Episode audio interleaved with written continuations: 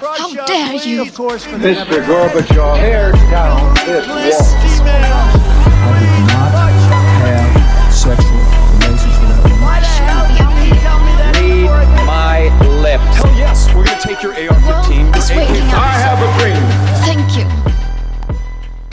0- 0546 lørdag morgen i, nå, eh, i, eh, i oktober, eh, nærmere bestemt 7. oktober, så kom det rapport, de første rapportene om at det, det, det rett og slett regna raketter eh, som ble avfyrt fra Gaza mot eh, Israel. Og siden da så har virkelig konflikten mellom eh, Israel og Palestina eskalert. Eh, etter at Hamas eh, gjennomførte, infiltrerte Israel eh, og gjennomførte en lang rekke angrep. Omfanget har vi altså, Det er ingen som egentlig veit nøyaktig omfanget ennå. Det må bare tiden vise. Det vi, det vi vet, er at eh, det har vært eh, omfattende angrep, og det er tusenvis av døde på, på, på begge sider, uten at vi vet nøyaktig detaljene. Så vi skal ikke, skal ikke grave så mye i detaljene, eller det vi ikke veit kanskje i den podkastepisoden her.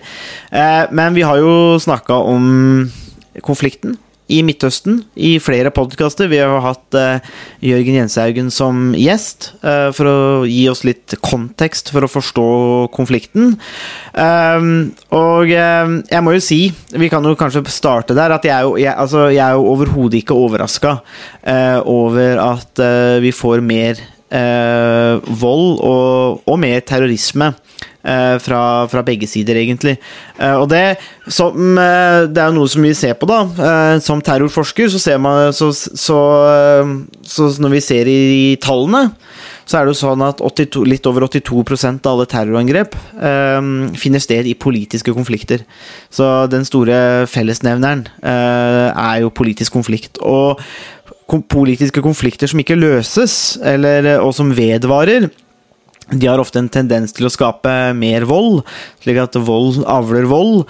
Eh, og eh, man har jo ikke klart å finne egentlig noen minnelig løsning på denne konflikten i Midtøsten. Det har jo på en måte bare blitt verre og verre, eh, og mer og mer voldsbruk. Og på den måten så må jeg si at jeg var ikke så veldig overraska over angrepet. Eh, det som overrasker meg, og som sikkert overraska alle andre, og som overraska Israel, var det at Hamas var i stand til å infiltrere Israel. Eh, å sende inn så mange krigere og gjennomføre relativt sofistikerte angrep. Og det kom nok på en måte som de ikke hadde trodd. Eh, slik at eh, For det første så er det jo alvorlig, og det er en tragedie for alle menneskene som har blitt drept. Eh, det gjelder jo på, på, på begge sider, men det er jo en tragedie. Men også for Israel så er det jo en, en, en katastrofe i den forstand at etterretningstjenesten har jo totalt svikta. Man har jo ikke visst hva som hadde kommet, og man har ikke klart å tenke seg hva som kunne komme. Og det ser jeg jo, og det er jo mange som også peker på det, at Netanyahu kan jo gå en kan jo, dette kan jo få, få alvorlige konsekvenser for Netanyahu når støvet legger seg her, da. Men, eh, men det var litt sånn umiddelbare mine tanker, og det går litt tilbake til den podkast-episoden Harald, som vi har hatt med Jenshaugen, hvor han også nettopp snakker om at det som kjennetegner konflikten, er at det er en politisk konflikt. altså Det handler om geografi, det handler om eh, suverenitet, det handler om grenser. Eh, og så har man folk som, ulike folk som bor på samme område, og som kjemper om det samme området. Eh, og hvis man ikke får løst dette, så, så, vil man jo bare se mer vold, og det tenker jeg kanskje er det som er også skjer her, da. At det er over, overhodet ikke overraskende, uh, det vi ser, da. Ja, absolutt. Uh, og det er jo var jo litt sjokkerende å um, se en del av de bildene og videoene som har kommet de, de, siste dagene. Mm. Noe av det som har blitt diskutert i Norge de siste dagene, har jo vært om er dette terror? Er Hamas, Hamas en terrororganisasjon eller ikke? Og noe, noe, av bakgrunnen er jo også at den norske regjeringen de har jo sagt at Hamas er en organisasjon som begår terrorhandlinger. Men de har valgt å ikke kalle Hamas for en terrororganisasjon. Mm. Og da er jo spørsmålet er det, altså Hva er forskjellen på en terrororganisasjon og en organisasjon som uh, begår terror? Mm. Er en eh, organisasjon som begår terror, også en terrororganisasjon? Eh, eller eh, hvordan er det man kan, eller kan man skille meningsfullt mellom en terrororganisasjon og en organisasjon eh, som, som begår terror? Det har vært noe av det som har vært, vært diskutert. Mm. På en måte kan man si at det er jo et meningsløst spørsmål når folk dør. Og man har på en måte kanskje andre eh, eh, ting som er eh, andre spørsmål som er viktigere og som bør prioriteres i en så dramatisk situasjon for, som Israel står oppe i nå, at man må forsøke å komme med mottiltak som kan som kan eh, hindre eh, at eh, Israel fortsatt blir eh, angrepet og osv. Men eh, siden diskusjonen har kommet, eh, og i Norge så sitter vi jo behagelig langt unna Mm. eh, alle, all volden. Eh, Så det er vel spørsmålet, eh, også litt til deg, Sondre, som, eh, som terrorforsker. Eh, er Hamas en terrororganisasjon? Er det vi har vært vitne til siden lørdag morgen eh, terrorisme, eller er det, er det noe annet? Mm, jeg tenker det du, det du nevner helt til slutt der, er, er, det du har vært, er det vi har vært vitne til, terrorisme, så tenker jeg at svaret på det er jo ja. Eh, fordi man har jo brukt taktikker og, og metoder eh, hvor man altså Poenget er jo det at de, som blitt, de israelerne som blir drept, har jo ikke blitt drept fordi altså av indiv sine individuelle kvaliteter. De har jo blitt drept fordi, og angrepet fordi at de er israelere. Men men for å sende et budskap til resten av Israel. De hadde, de, Hamas har jo ikke hatt noe imot hver enkelt individ på disse eh, konsertene, f.eks., eller som de har funnet. De er bare representanter for, for Israel, eh, slik de ser det. Slik at, sånn sett så passer det egentlig veldig fint i denne definisjonen om terrorisme, at man, man dreper eller, mennesker eh, for å sende et, for å måtte, egentlig spre frykt, men det viktigste er å spre et budskap til andre. Uh, og Det er jo det egentlig terrorisme handler om. Uh, ikke nødvendigvis de personene eller enkeltgjerningene, men hva er det det skal kommunisere? Og Sånn sett så passer det egentlig veldig fint uh, inn i definisjonen, så det er, det er, et, det er et åpenbart, åpenbart, ja på det.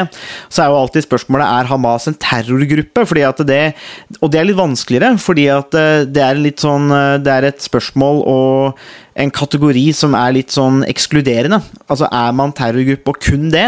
Eh, fordi at eh, da står man oppe i det samme problemet som ANC f.eks.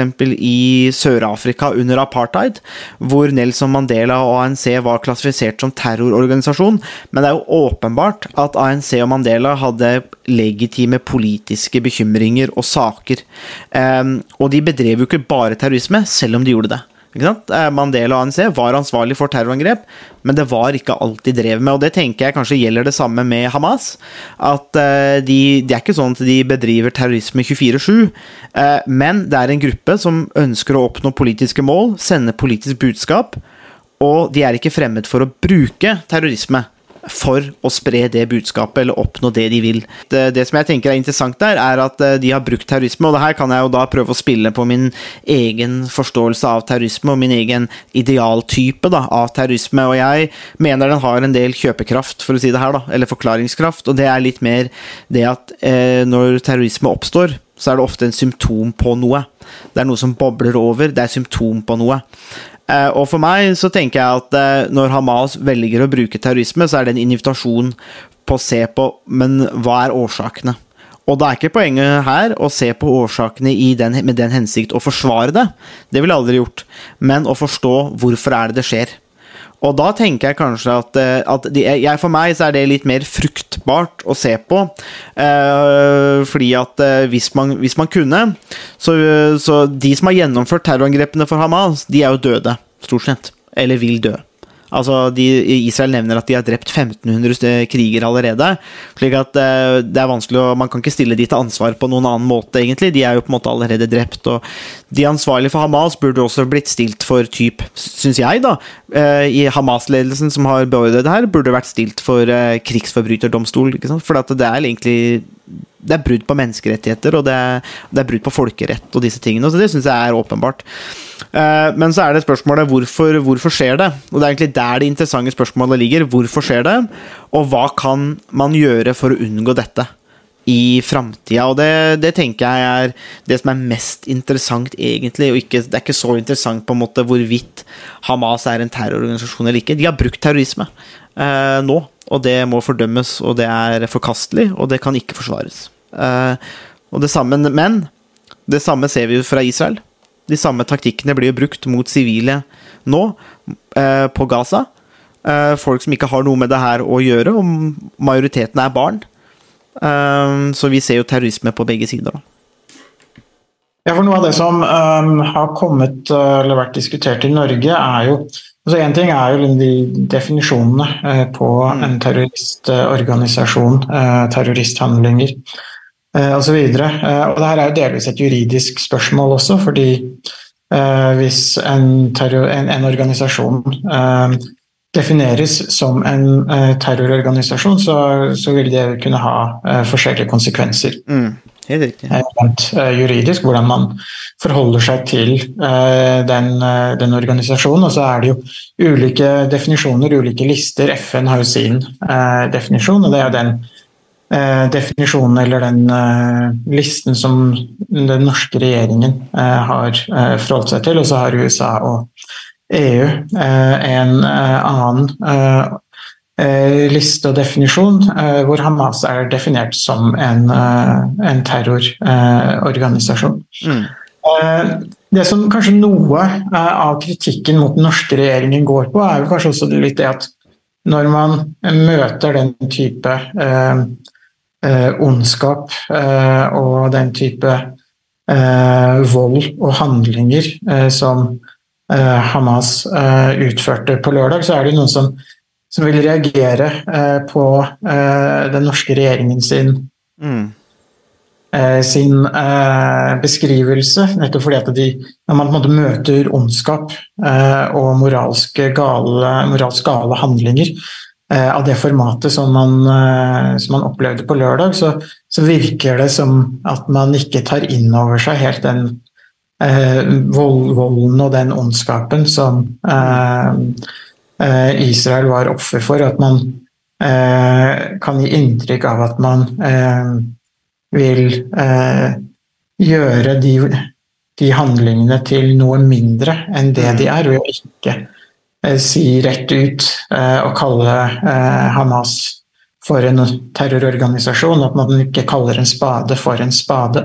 Mm. Og at det sender signaler eh, som eh, kan, kan, tolkes som at man er ikke, ikke fordømmer det så sterkt som det, mm. det egentlig krever. Eh, og hva tenker du om den, den, type argumenter? Er det litt sånn sofisteri og litt at man eh, henger seg opp i detaljer, eller er det en reaksjon som rører ved noe eh, grunnleggende om hvordan man responderer mm. mot voldelige eh, aksjoner og den type, den type vold eh, som, vi, eh, mm. som, vi, så på lørdag Men, og neste dagene. Ja, det, det, første du nevner, er jo egentlig veldig viktig. Dette med det juridiske. Eh, det er jo særdeles viktig egentlig her, fordi at eh, det spiller jo en viktig rolle. og Eh, det har jeg jo hørt flere akademikere og forskere også peke på. En interessant sak her er jo det at deler av voldshandlingene foregår på det som er internasjonalt anerkjent okkupert territorium. Slik at Og da gjelder det andre regler. Og det er ikke nødvendigvis terrorisme, men det kan være et form for sjølforsvar og mer legitime angrep på særlig israelske mål, fordi at områdene er okkupert, og det er ikke internasjonalt anerkjent Eh, ikke sant? Slik at eh, Internasjonalt så, så, ser man jo at Israel okkuperer områder. Når, hva skjer hvis palestinske grupper gjennomfører angrep på områder som er sett på som okkuperte områder? Er det da terrorisme, eller forsvarer de på en måte sin egen, sin eget land mot en okkupasjonsmakt? Da blir det vanskelig å se forskjellen mellom Russlands invasjon av Ukraina f.eks. I, i, i visse områder. Det er områder som ikke er anerkjent og, og de er okkupert, og så får man partisanvirksomhet. Er det da terrorisme? eller er det en annen form for krigføring? Så det, det er noen interessante juridiske distinksjoner her. Eh, det er det første. og Også til andre du nevner òg. Jeg syns det er litt bortkasta aktivitet å drive og, og, og skulle måtte, Det er sånn sofisteri, eh, og jeg syns det er litt bortkasta for mange av disse til å si at dere har ikke fordømt sterkt nok. Jeg mener de har, angrepene er jo fordømt. Og de, de, de jo, det holder jo å si at de ikke kan forsvares på noen som helst måte. Og så har Norges tradisjonelle posisjon vært at folk i, på Gaza f.eks. har jo valgt Hamas. Eh, til å, de, de, driver jo ikke bare med, med, vold, eh, de gjør jo andre ting. Og folk har jo valgt dem. Og så har Norges, vel Norges posisjon vært litt at for å løse opp en konflikt, så må man også snakke med de partene som hevder å snakke på vegne av folk. Og da har man forsøkt å inkludere de i forhandlinger og andre typer ting for å prøve å deeskalere volden på den måten. Og det vet vi fra freds- og konfliktstudiene, at dialog med parter som driver med vold i politiske konflikter, har en konfliktdempende effekt. Det vet vi fra empirien. Eh, det har blitt gjennomført store studier på dette som, eh, som man, man, man, kan se fra f.eks. Erika Chenoweth, Maria Steffen og, og, andre, eh, som har gjort store studier på det. Så vi, så vi veit at det er tilfellet. Så jeg tenker at at det er lett å bli At, uh, at man henger seg opp i det, og så, og, så, og så, ser man Og så blir det på en måte, må, måte slutten, for det, er det her som er interessant. Så altså, La oss si da at vi kaller Hamas en terrororganisasjon. Kan godt kalle dem det. Og de har gjennomført terrorangrep, så ok. Men poenget vedvarer likevel for meg, da. Hva er, det som, hva er det det er et symptom på, eller hva er årsakene til det? Kan det være, likevel være legitime årsaker til at man uh, bruker vold? Altså, det kan ikke forsvares, men er, er det grunner som kan, vi kan forstå? Og så er spørsmålet hva gjør man videre for å hindre at det blir mer vold. Fordi det vi har sett i Israel og Palestina, er jo det at uansett hva man kaller uh, volden, så ser man jo at det, det har vært en endeløs eh, sirkel av vold i, i området for, i mange, mange tiår. Og ingen av den voldsbruk, ikke noe av denne voldsbruken ser ut til å dempe konfliktnivået. Og da er jo spørsmålet Ok, hva, hva gjør man nå framover? Hva gjør Israel, For det er jo Israel som sitter med nøkkelen her. Hva er det man gjør for å komme ut av dette? Hva er det man gjør, f.eks.? Og eh, f.eks. dette med Hamas, da. Jeg vil jo si at måten Israel har behandla PLO og palestinske selvstyrementer og Abbas på, f.eks., og der de har på en måte blitt satt på sidelinja, ikke hatt noen reelle verktøy, det har jo bl.a. bidratt til at de mer moderate kreftene i Palestina har jo blitt satt på sidelinja. De har blitt marginalisert og ikke hatt noen effektive virkemidler det tenker jeg er noe som bidrar til at Hamas har fått større popularitet. Fordi at det ser ut som at de gjør noe. Eh, og når man ser på hvordan de palestinerne blir behandla i området, så tenker jeg at det er helt åpenbart at mange radikaliseres, hvis vi skal bruke det uttrykket, i Palestina. De har ingenting å tape. Eh, det er litt som sangen til Chris Christofferson om at eh, 'freedom is just another word for nothing left to lose'. Uh, og der tenker jeg kanskje at uh, vi, slik jeg ser det, så har man millioner snart av palestinere som ikke har noe annet å tape. Uh, og da får man også denne voldsbruken. Så jeg, jeg tenker at det bedre Det blir et litt langt svar på spørsmålet ditt, Harald, men det blir interessant å høre du, om du har noen tanker om, om, om det òg. Men jeg vil bare si at for meg så er det litt sånn jeg, jeg syns vi heller skal fokusere på å se litt mer på årsakene, og hvordan vi kan komme videre slik at det her ikke skjer igjen. Det må jo være mer, Jeg syns det er mer verdt å bruke tida på enn hvorvidt det er en terrorgruppe, eller om det er en organisasjon som nå da bruker terrorisme. Det tenker jeg ikke er så fryktelig viktig, egentlig, da.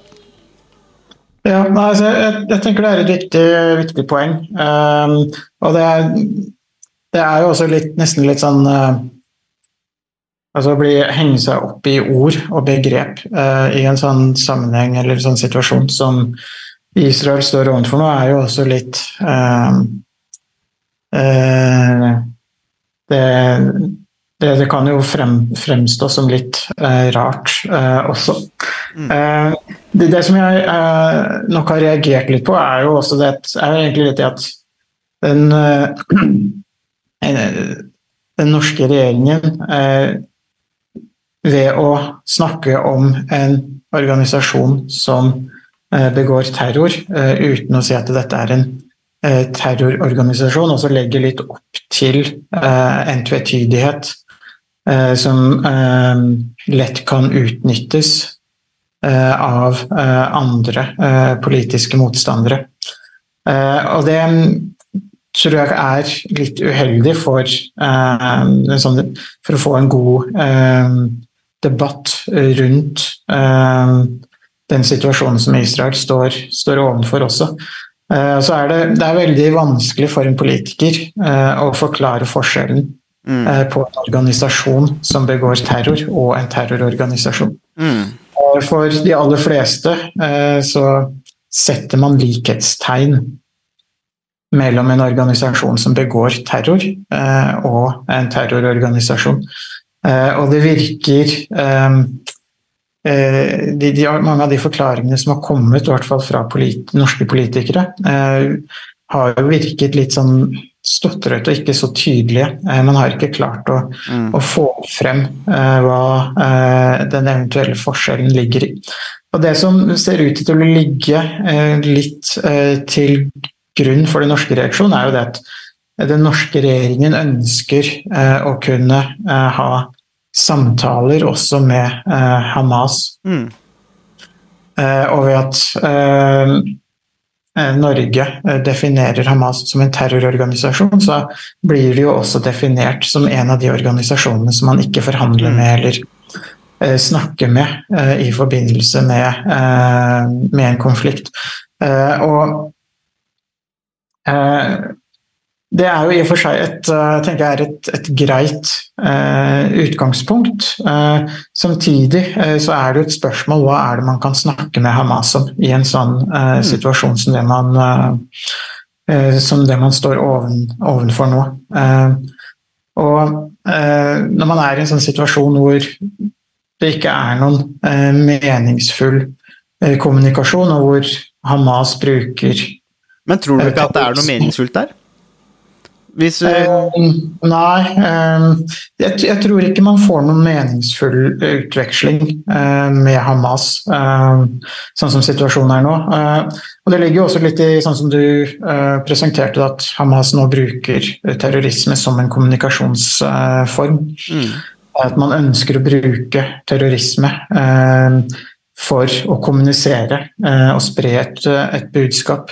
Mm. Eh, og når man står overfor den type, eh, den type handlinger, eh, så er jo også eh, I hvert fall fra, fra, norsk side så er det jo ganske begrensa eh, hvor mye man kan Hva slags utveksling av eh, informasjon eller synspunkter eh, som vil kunne eh, bringe eh, situasjonen eh, framover. Jeg, altså jeg, tenker, jeg tenker nok litt annerledes enn det, eh, og det vil sikkert lytterne ha fanga opp allerede òg. Jeg tenker nok litt annerledes enn det, eh, og det første her er det at eh, så, så et problem, da. Ved å bare si at det er en terrororganisasjon, så lukker man rommet for dialog. Det vet vi også empirisk er veldig feil.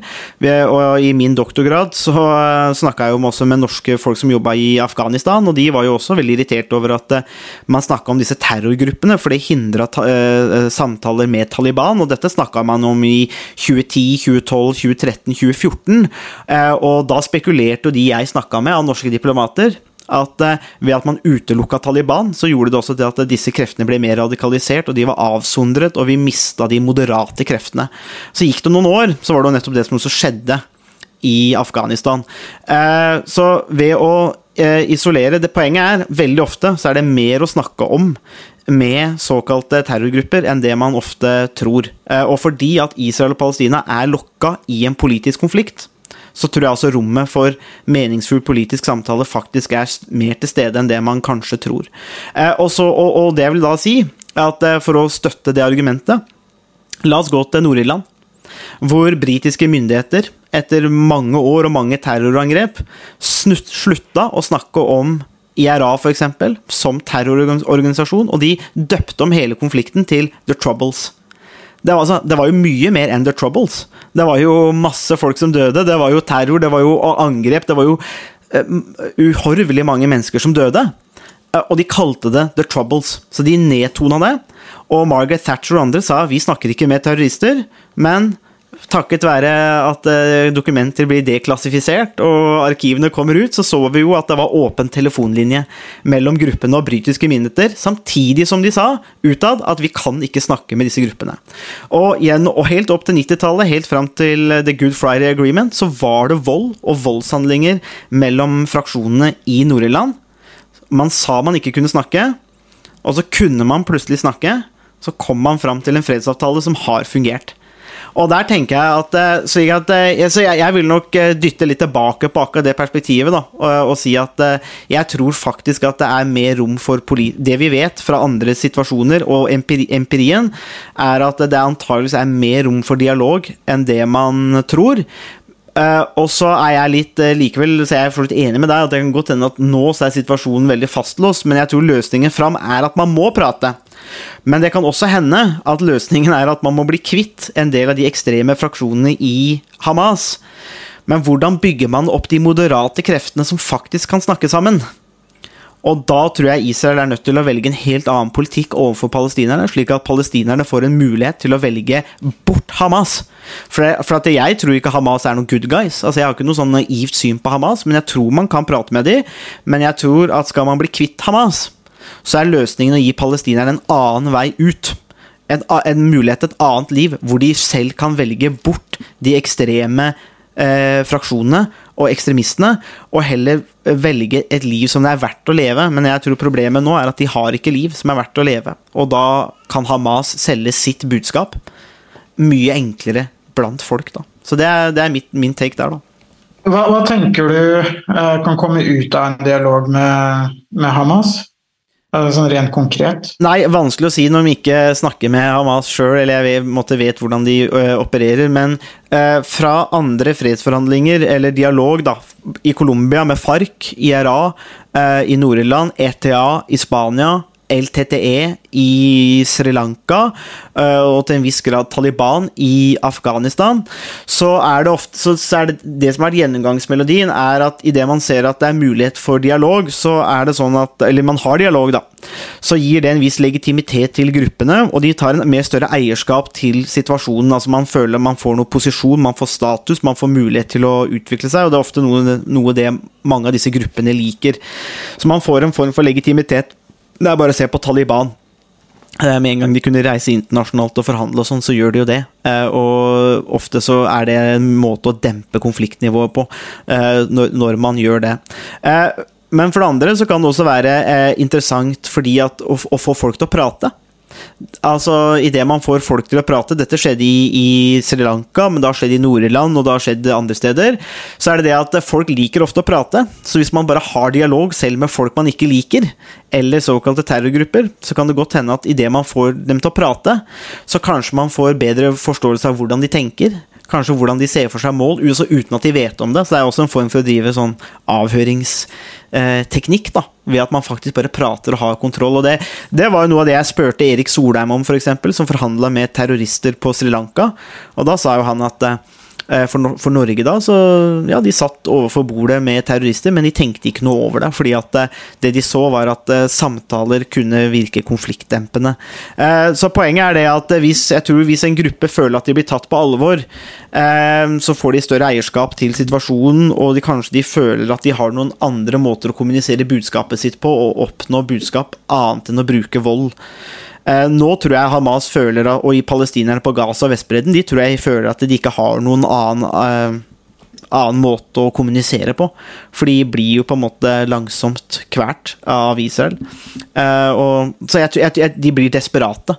Uh, så kanskje hvis med Kanskje, jeg sier, det, jeg sier ikke at det, sånn, at det, er sånn, men basert på det vi vet, så tror jeg kanskje at man kunne ha hatt noen samtaler, snakke litt mer med, om konkrete løsninger, og sett om det hadde ført noen vei. Men det er klart, hvis Hamas sier at eneste løsningen er at Israel forsvinner fra jordens overflate, ok, da er, da er jeg enig. Hvis det fortsatt er Hamas sitt argument, at eh, Israel må vekk, og alle jøder skal dø og alt mulig sånn, da er det sånn, ok, men da har ikke vi noe mer å snakke om da, da, er det greit, da er det fastlåst. Men med mindre man har de samtalene, og får høre det svart på hvitt, eh, eller ansikt til ansikt, så, så tenker jeg at da, da vet man ikke, da. Jeg tror det er litt spillerom der, da. Ja, Det er jo akkurat det, det siste du er inne på der, som er eh, noe av det som gjør Hamas eh, også mer kontroversielt. Eh, fordi at de har jo i eh, måte sitt charter eh, at de vil eh, fjerne staten Israel. Og de er jo også basert på en del av de klassiske ideene om antisemittisme som har som har hatt stor utbredelse eh, tidligere.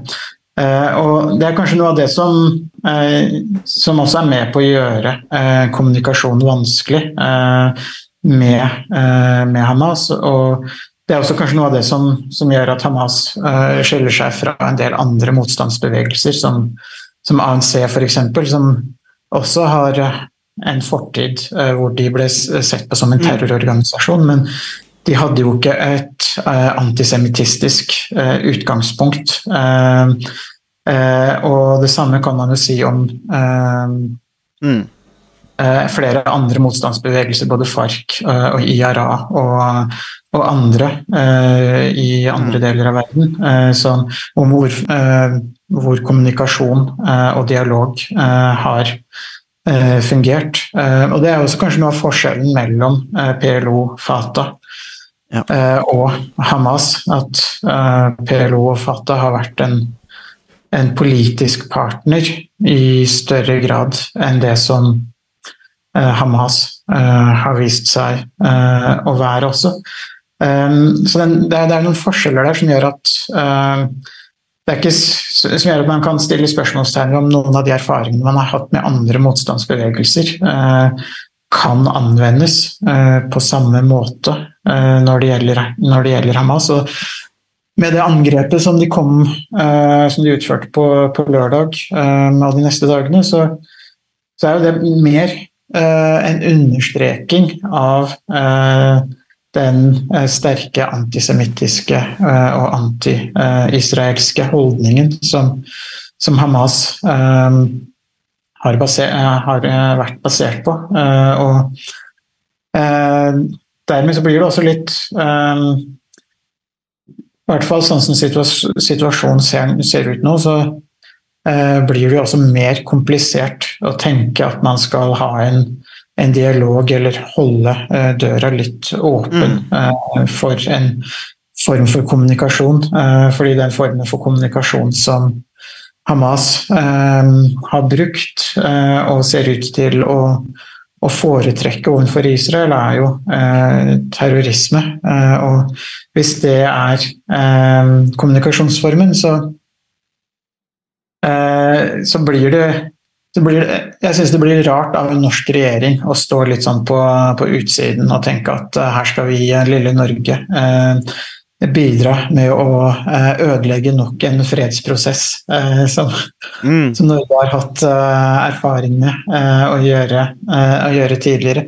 Da, jeg tenker da ville det vært mer realt å bare si, at, si det som det er, og ikke Nå er det på en måte den norske regjeringens respons som har ført til at man har fått et slags sånn sofisteri om hvordan man skal trekke grensene mellom hva som er en organisasjon som driver med terror, eh, og en terrororganisasjon. Mm. Eh, og når de ikke har klart å svare overbevisende på de spørsmålene som har kommet, så blir det et problem for den norske, norske regjeringen at man er utydelig. Og selv om det kan være gode grunner i andre sammenhenger til å skille mellom en organisasjon som også bedriver eh, terror eller begår terrorhandlinger, eh, og terrororganisasjoner. Så, så er det den norske regjeringen som er lagt opp til at eh, den kritikken kan komme, og at de ikke har hatt noen Eh, gode svar på hvordan de skal, eh, skal, forholde seg til den eh, kritikken også. Og da tenker jeg at Det hadde vært bedre å bare skjært igjennom og kalt en spade for en, en, spade i den situasjonen her. Og så kunne man eventuelt eh, omdefinert det på et senere tidspunkt hvis eh, Hamas eh, endte opp med å bruke andre strategier. fordi at Det er jo ikke noe i veien for å for å endre eh, forholdet til en organisasjon. Det er, er jo også det som ble gjort med PLO Mm. eh, tidligere også. eh, At eh, eh, når terrorisme, eh, terroraksjoner, ikke ga noen effekt, så, så fikk man jo på en måte en gjensidig endringsprosess både hos Israel og Vesten på den ene siden, eh, og PLO eh, på den andre siden. Mm. Eh, Den endringen, den, på en måte den gjensidige endringen som han også kanskje har sett i andre, freds, eh, eller andre fredsprosesser. Eh, Sri Lanka, eh, i, IRA, i Nord-Irland og, og FARC, er jo at det har vært en gjensidig uh, tilnærming. Uh, og eh, det, her er, det er jo noe som man i mindre grad kanskje har sett eh, med, med Hamas og Israel de siste, de siste årene. Mm. Man har ikke fått en, eh, en, en gjensidig tilnærming, eller nær, hvor man er, partneren nærmet seg hverandre. Og Det fikk man jo i Storbritannia, eh, delvis. eh, Og det ga på en måte et utgangspunkt for en, en dialog. Eh, Riktignok en, eh, en skjult dialog, eh, men det var jo også en dialog som, eh, eh, som ga visse resultater. Oh, ja. Og selv om man ikke har kommet helt i mål enda, så er, man jo, så er det jo færre mennesker som dør i Nord-Irland eh, i dag enn for 25 eh, år siden. gitt historien så er det en kjempesuksess Uh, Mm. i, i Nord-Irland. Uh, men jeg tenker Ja, altså, jeg, jeg, jeg er litt usikker. Jeg, jeg tror ikke det betyr så mye som uh, Altså, jeg ser argumentet ditt, men jeg tror ikke Jeg veit ikke om det har så mye å si, eller om det er så fryktelig viktig egentlig. Det kan godt hende jeg tar feil der. Men, eh, men, eh, men hva så var med dette med altså Hamas, altså etablert på slutten av 80-tallet, drev jo også da mye med veldedighetsarbeid eh, og helt andre ting, så det har jo ikke bare utelukkende drevet med terrorisme, selv om de også ble veldig kjent for disse selvmordsbombene. Men jeg tenker litt av denne historien nå, da. I 2017 så, så, så, eh, så slapp jo også Hamas et manifest hvor de tross alt aksepterte målet om om å etablere en palestinsk stat vest på Vestbredden og Gaza. Eh, Gaza. Eh, og det var jo første gang de anerkjente at det fantes andre politiske mål enn å jage Israel totalt ut av området. Eh, så det har jo vært eh, en, en, noen steg mot moderasjon, selv om, som du sier, det er problematisk at de ikke anerkjenner Israel, fordi landet, staten Israel er der. Eh, og du, altså, uansett hva man måtte mene om de ulike partene her, så er de der. Og det er jo kanskje det jeg tenker er Det som jeg tenker er litt ødeleggende da, med dette ensidige fokuset på om det er en terrorgruppe eller ikke. Og det er her jeg egentlig støtter norske regjeringa fullt og helt. Fordi at du har millioner av palestinere som bor der. Du har millioner av israelere. Hvor skal de menneskene gå? Palestinerne kan ikke flykte. Da må du flytte de, eller så må du drepe de. Eller så må du finne en politisk løsning. Og det gjelder Det er noe palestinerne må anerkjenne, og det er noe israelittene eller israelerne må anerkjenne. Og da er jo spørsmålet hvordan hva gjør man med den situasjonen? Eh, og det som er veldig interessant, er at eh, utenriksminister Huitfeldt var jo også tydelig på at her bærer jo begge sider ansvar for konflikten. Og for meg så er det, det, det, jeg vil fram til her, er, nettopp bare det at eh, ingen ingenting av den volden som vi ser nå, kan forsvares eh, eller være legitim. Eh, men det er en konflikt der som involverer millioner av mennesker på det samme landområdet.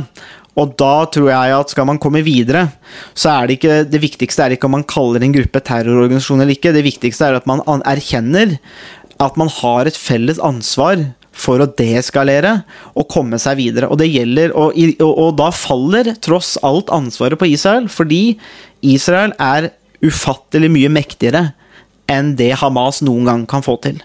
Eh, Eller Fatah, eller PLO, eller Hezbollah i Libanon, eller osv. Uh, eh, eh, dette her handler om en For meg så handler ikke dette om altså Terrorisme er ikke problemet her i seg selv. Det er ikke det som er årsaken.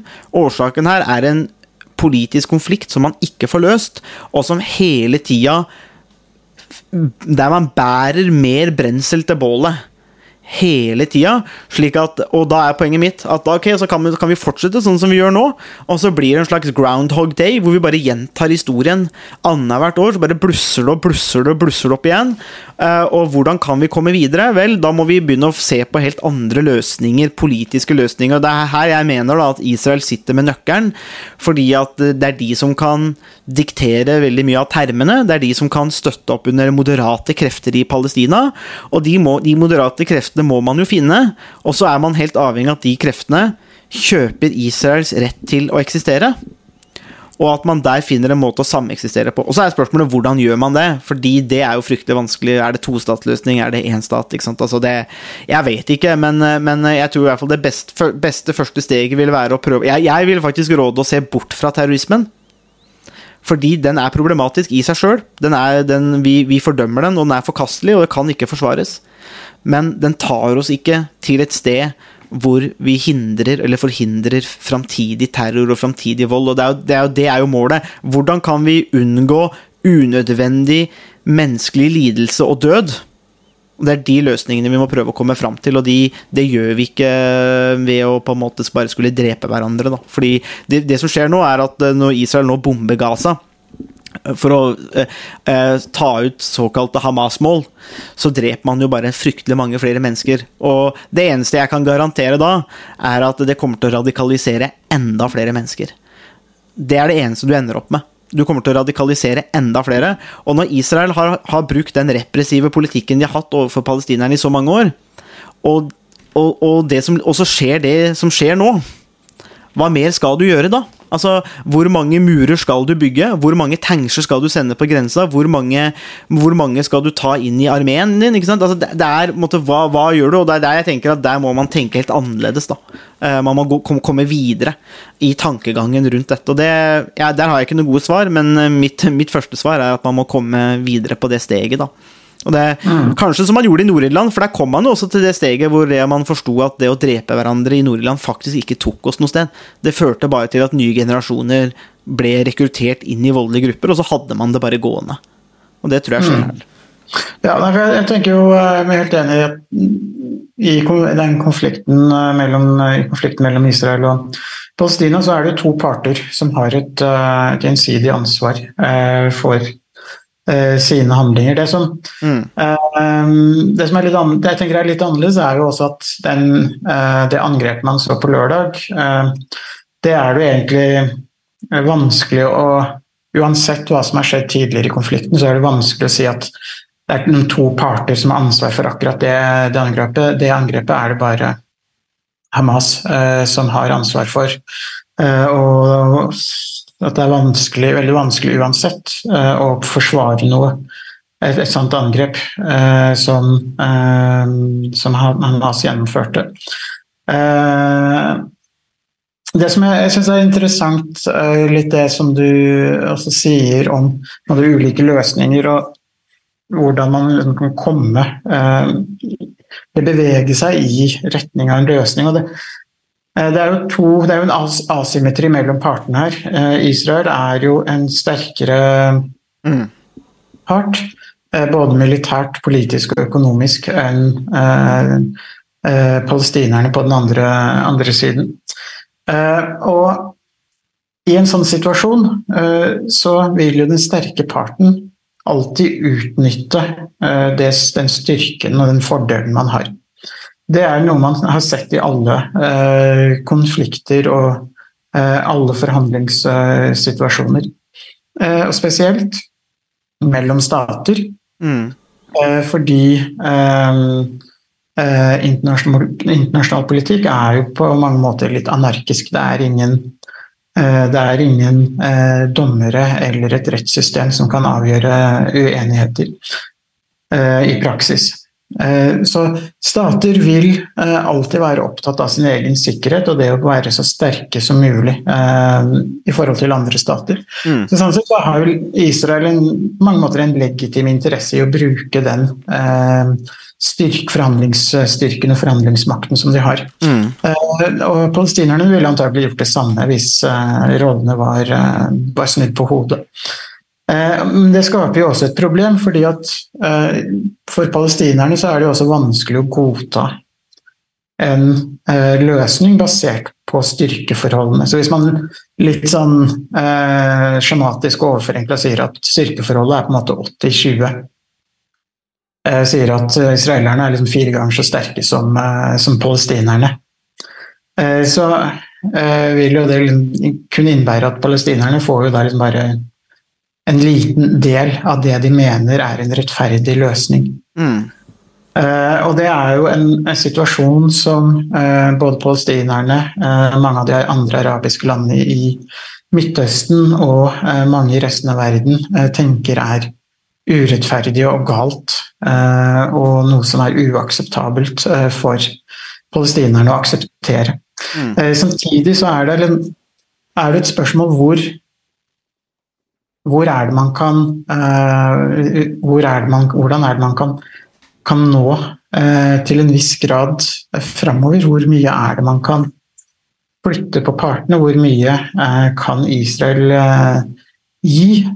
For hvis Israel gir noe, så de kommer med noen reelle innrømmelser Mm. til palestinerne, så vil de jo kunne komme et stykke på vei. Men spørsmålet er jo hvor mye kan Israel gi? For de vil jo heller ikke gi fra seg så veldig mye av fordelene, den styrken de har.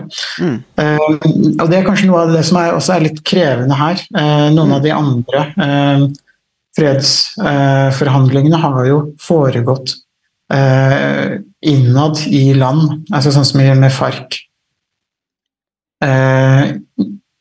Og Ira, Nord-Irland og sånt, hvor, hvor man ikke får den dynamikken som man får mellom to ulike stater, eh, som man på en måte i praksis eh, ser her, selv om palestinerne ikke har fått en, eh, en egen stat, så, Mm. så er det på en måte det det er. Så er det også det noe av forhandlings... Eh, et av forhandlingsspørsmålene Mm. i den situasjonen her. Det er jo kompromiss. Det blir litt annerledes. Eh, så spørsmålet er liksom hvor, hvor mye er det Mm. Israel kan gi? Eh, Hvor lite er det palestinerne kan akseptere? Spørsmålet er jo er en dårlig avtale bedre enn ingen avtale? Mm. Og hva er eh, alternativene? Så Det er jo litt sånn klassisk forhandlingsteori. Liksom, hva er alternativet til en forhandlet Mm. eh, avtale, eh, osv. Eh, så der er litt, jeg syns det her er på en måte litt interessant og litt spennende, fordi det, det er jo også noen av forskjellene mellom Palestina-Israel-konflikten versus eh, andre, andre konflikter også. Um, og Nei, men Det er derfor jeg sier Israel sitter jo med nøkkelen. Fordi at de er den mektige staten. Uh, som også har okkuperte områder.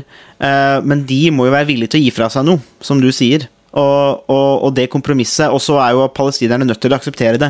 Og de er jo nødt til å akseptere en annen realitet enn det, de kan, enn det, enn det f.eks. Hamas er villig til. Så Hamas er jo, er, jo, er jo nødt til å forandre virkelighet, sin virkelighetsforståelse og akseptere at staten Israel er der. Eh, og det er en realitet du må forholde deg til. Og så kan du si at det er forferdelig, og det liker jeg ikke, og det vil jeg aldri akseptere som personlig, men på en annen side så er det litt sånn at det spiller ingen rolle. Og det, det er litt sånn, ja, vi skulle ønske at, uh, skulle ønske at uh, Russland aldri hadde trengt eller angripe Ukraina, eller at de gjorde det. Ja, det spiller ingen rolle. Altså, nå er du der, Uh, slik at du kan drømme om andre ting. Men det hjelper ikke. Slik at Det er det, det kompromisset, men det er jo der Israel sitter med nøkkelen. Fordi at det er de som har mest, mest å gi, på en måte. Og, og, og da er jo en måte Altså Mitt åpne spørsmål der er jo da Du har millioner av mennesker på samme område. Hvis ikke man får, får til en, en, eh, en god Hvis man ikke får til en god politisk løsning, så er mitt spørsmål hva er det israelerne har tenkt å gjøre med palestinerne? Altså, hva hva, hva er det de har tenkt til å gjøre? For det er områder altså Gaza er det på størrelse med Mjøsa, med flere millioner mennesker. Så hva, hva, hva er det du har tenkt? Eh, de er der. Altså, og poenget er det at da må man enten flytte de, få til en politisk løsning, ellers så må de dø. Det er, Når vi skal kalle det en spade for en spade, så er det de tre mulighetene. Eh, og da er spørsmålet hva er det Israel egentlig har tenkt? Eh, og jeg så The Economist var jo også veldig tydelig sin leder på at Israels politikk har jo vært feilslått, fordi at de har prøvd å ignorere eller bare glemme det, eller ikke tenke på det og bare kontrollere det. Mens, eh, så The Economist på lederplass pekte jo på at nå har jo palestinerne vist seg at det er et problem på en måte for Israel, som ikke går vekk. Og det betyr, og da var jo The Economists konklusjon er at nå kan man ikke lenger ignorere palestinerne, nå må de faktisk engasjere dem. Altså man må, eh, man må gjøre noe mer konkret. Så, det, så der tenker jeg at det, det, de, noe må de gjøre, ikke sant? fordi de er der. Og da Så jeg vet ikke. Ja, nei, altså vi, um, vi, finner sikkert ikke løsningen i den podkasten her. Det som er dilemmaet, er at hvis, hvis, man sier at styrkeforholdet er sånn 80 til 20 mellom uh, Israel og Palestina, så uh, Palestinerne vil kanskje ikke være fornøyd med om de får 40 eh, Og Israel vil ikke gi 20% sånn som de er nede på 60 ja. Så selv så selv der er det liksom ikke Det, det er ikke noen, noen bevegelse. bitene står Eh, står fast. Eh, og den strategien som eh, Israel har ført de siste si 10-20 årene, hvor man på en måte har forsøkt å, å gjære problemet inne. Mm. Det her, den situasjonen som har oppstått nå, er jo også på en måte en det på en måte viser at den strategien som Netanyahu Eh, og andre eh, av hans regjeringspartnere eh, nå og tidligere. Mm. Den, har, den, har, jo vært totalt mislykka. Mm. og det har jo allerede kommet en del kritikk mot Netanyahu, både i, altså, internt i Israel også. Ja.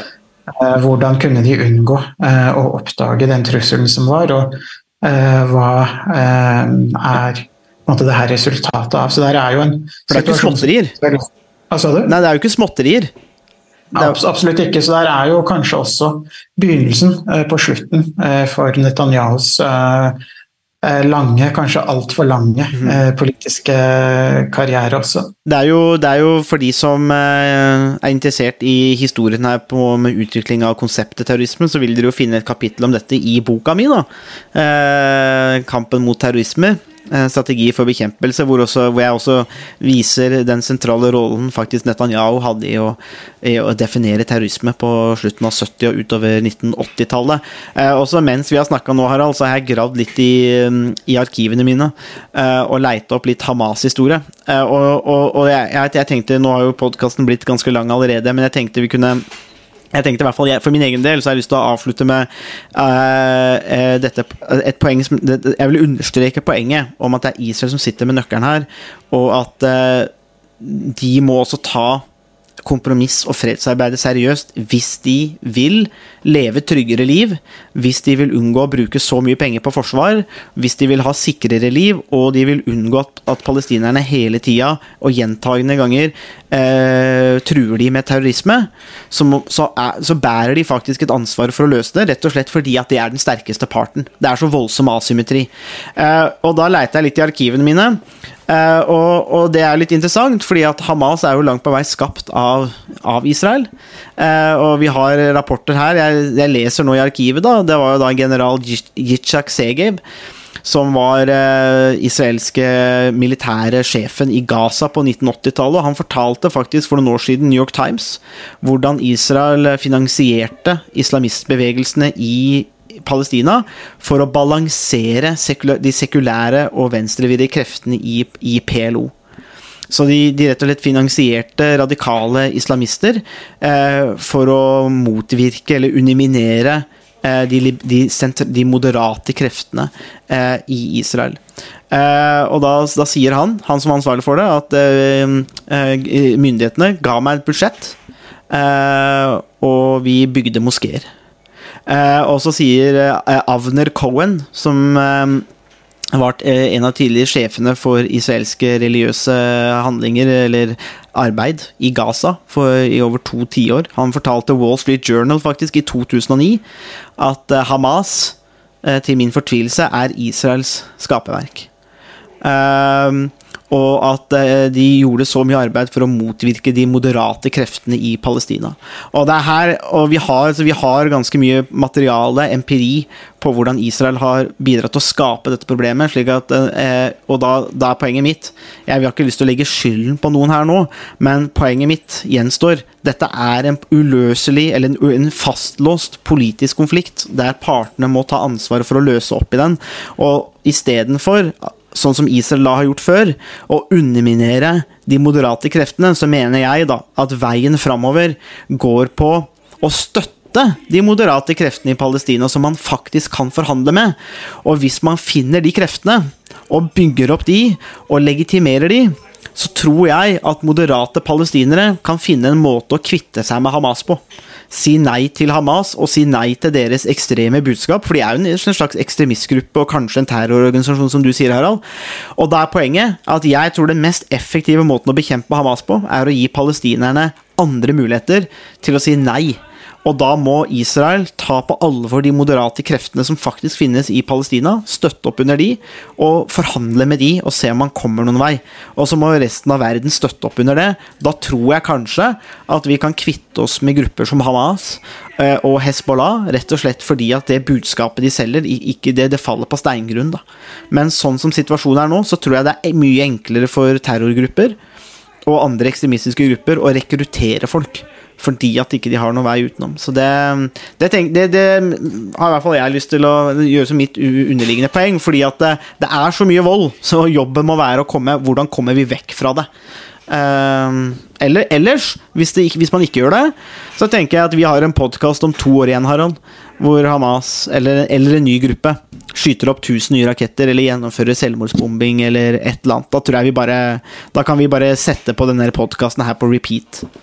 Uh, og det, det, det høres ikke så veldig attraktivt ut, egentlig. Det vil ikke overraske meg om vi bare kan eh, reprodusere en gammel podkast om uh, Midtøsten. Det ville ikke vært første gangen at historien gjentar seg i uh, Israel-Palestina-konflikten, i hvert fall. Jeg er redd for at du har rett, Harald. Så, som, som, som, mange ganger før, så er jeg redd for at du har, at du har rett denne gangen òg. Så, ja. vi, får, vi, vi, får, se. Det, det, blir ikke en sånn kjempehappy ending på det her, men vi får, eh, vi får bare følge med, og så kanskje vi får inn noen gjester òg til å snakke litt mer om situasjonen, for det er jo en eh, ufattelig komplisert situasjon. Men vi har nå i hvert fall gravd litt i, i, materien i dag, og det er jo åpenbart at det er ingen åpenbar fasit her heller. Uh, så det er jo nettopp det som kanskje kjennetegner disse kompliserte konfliktene, så da får vi bare følge med. Men at det er SOS i Midtøsten, det er i hvert fall overhodet ingen som helst tvil om. Takk for at uh, du hørte på Statsvitenskap og sånt. Har du spørsmål, kommentarer eller tilbakemelding, så er det bare å ta kontakt på vår Facebook-side, per e-post eller brevdue. Musikken er som vanlig laget av Robin Horvath, og Mats Halvorsen mikser og redigerer podkasten. Vi høres!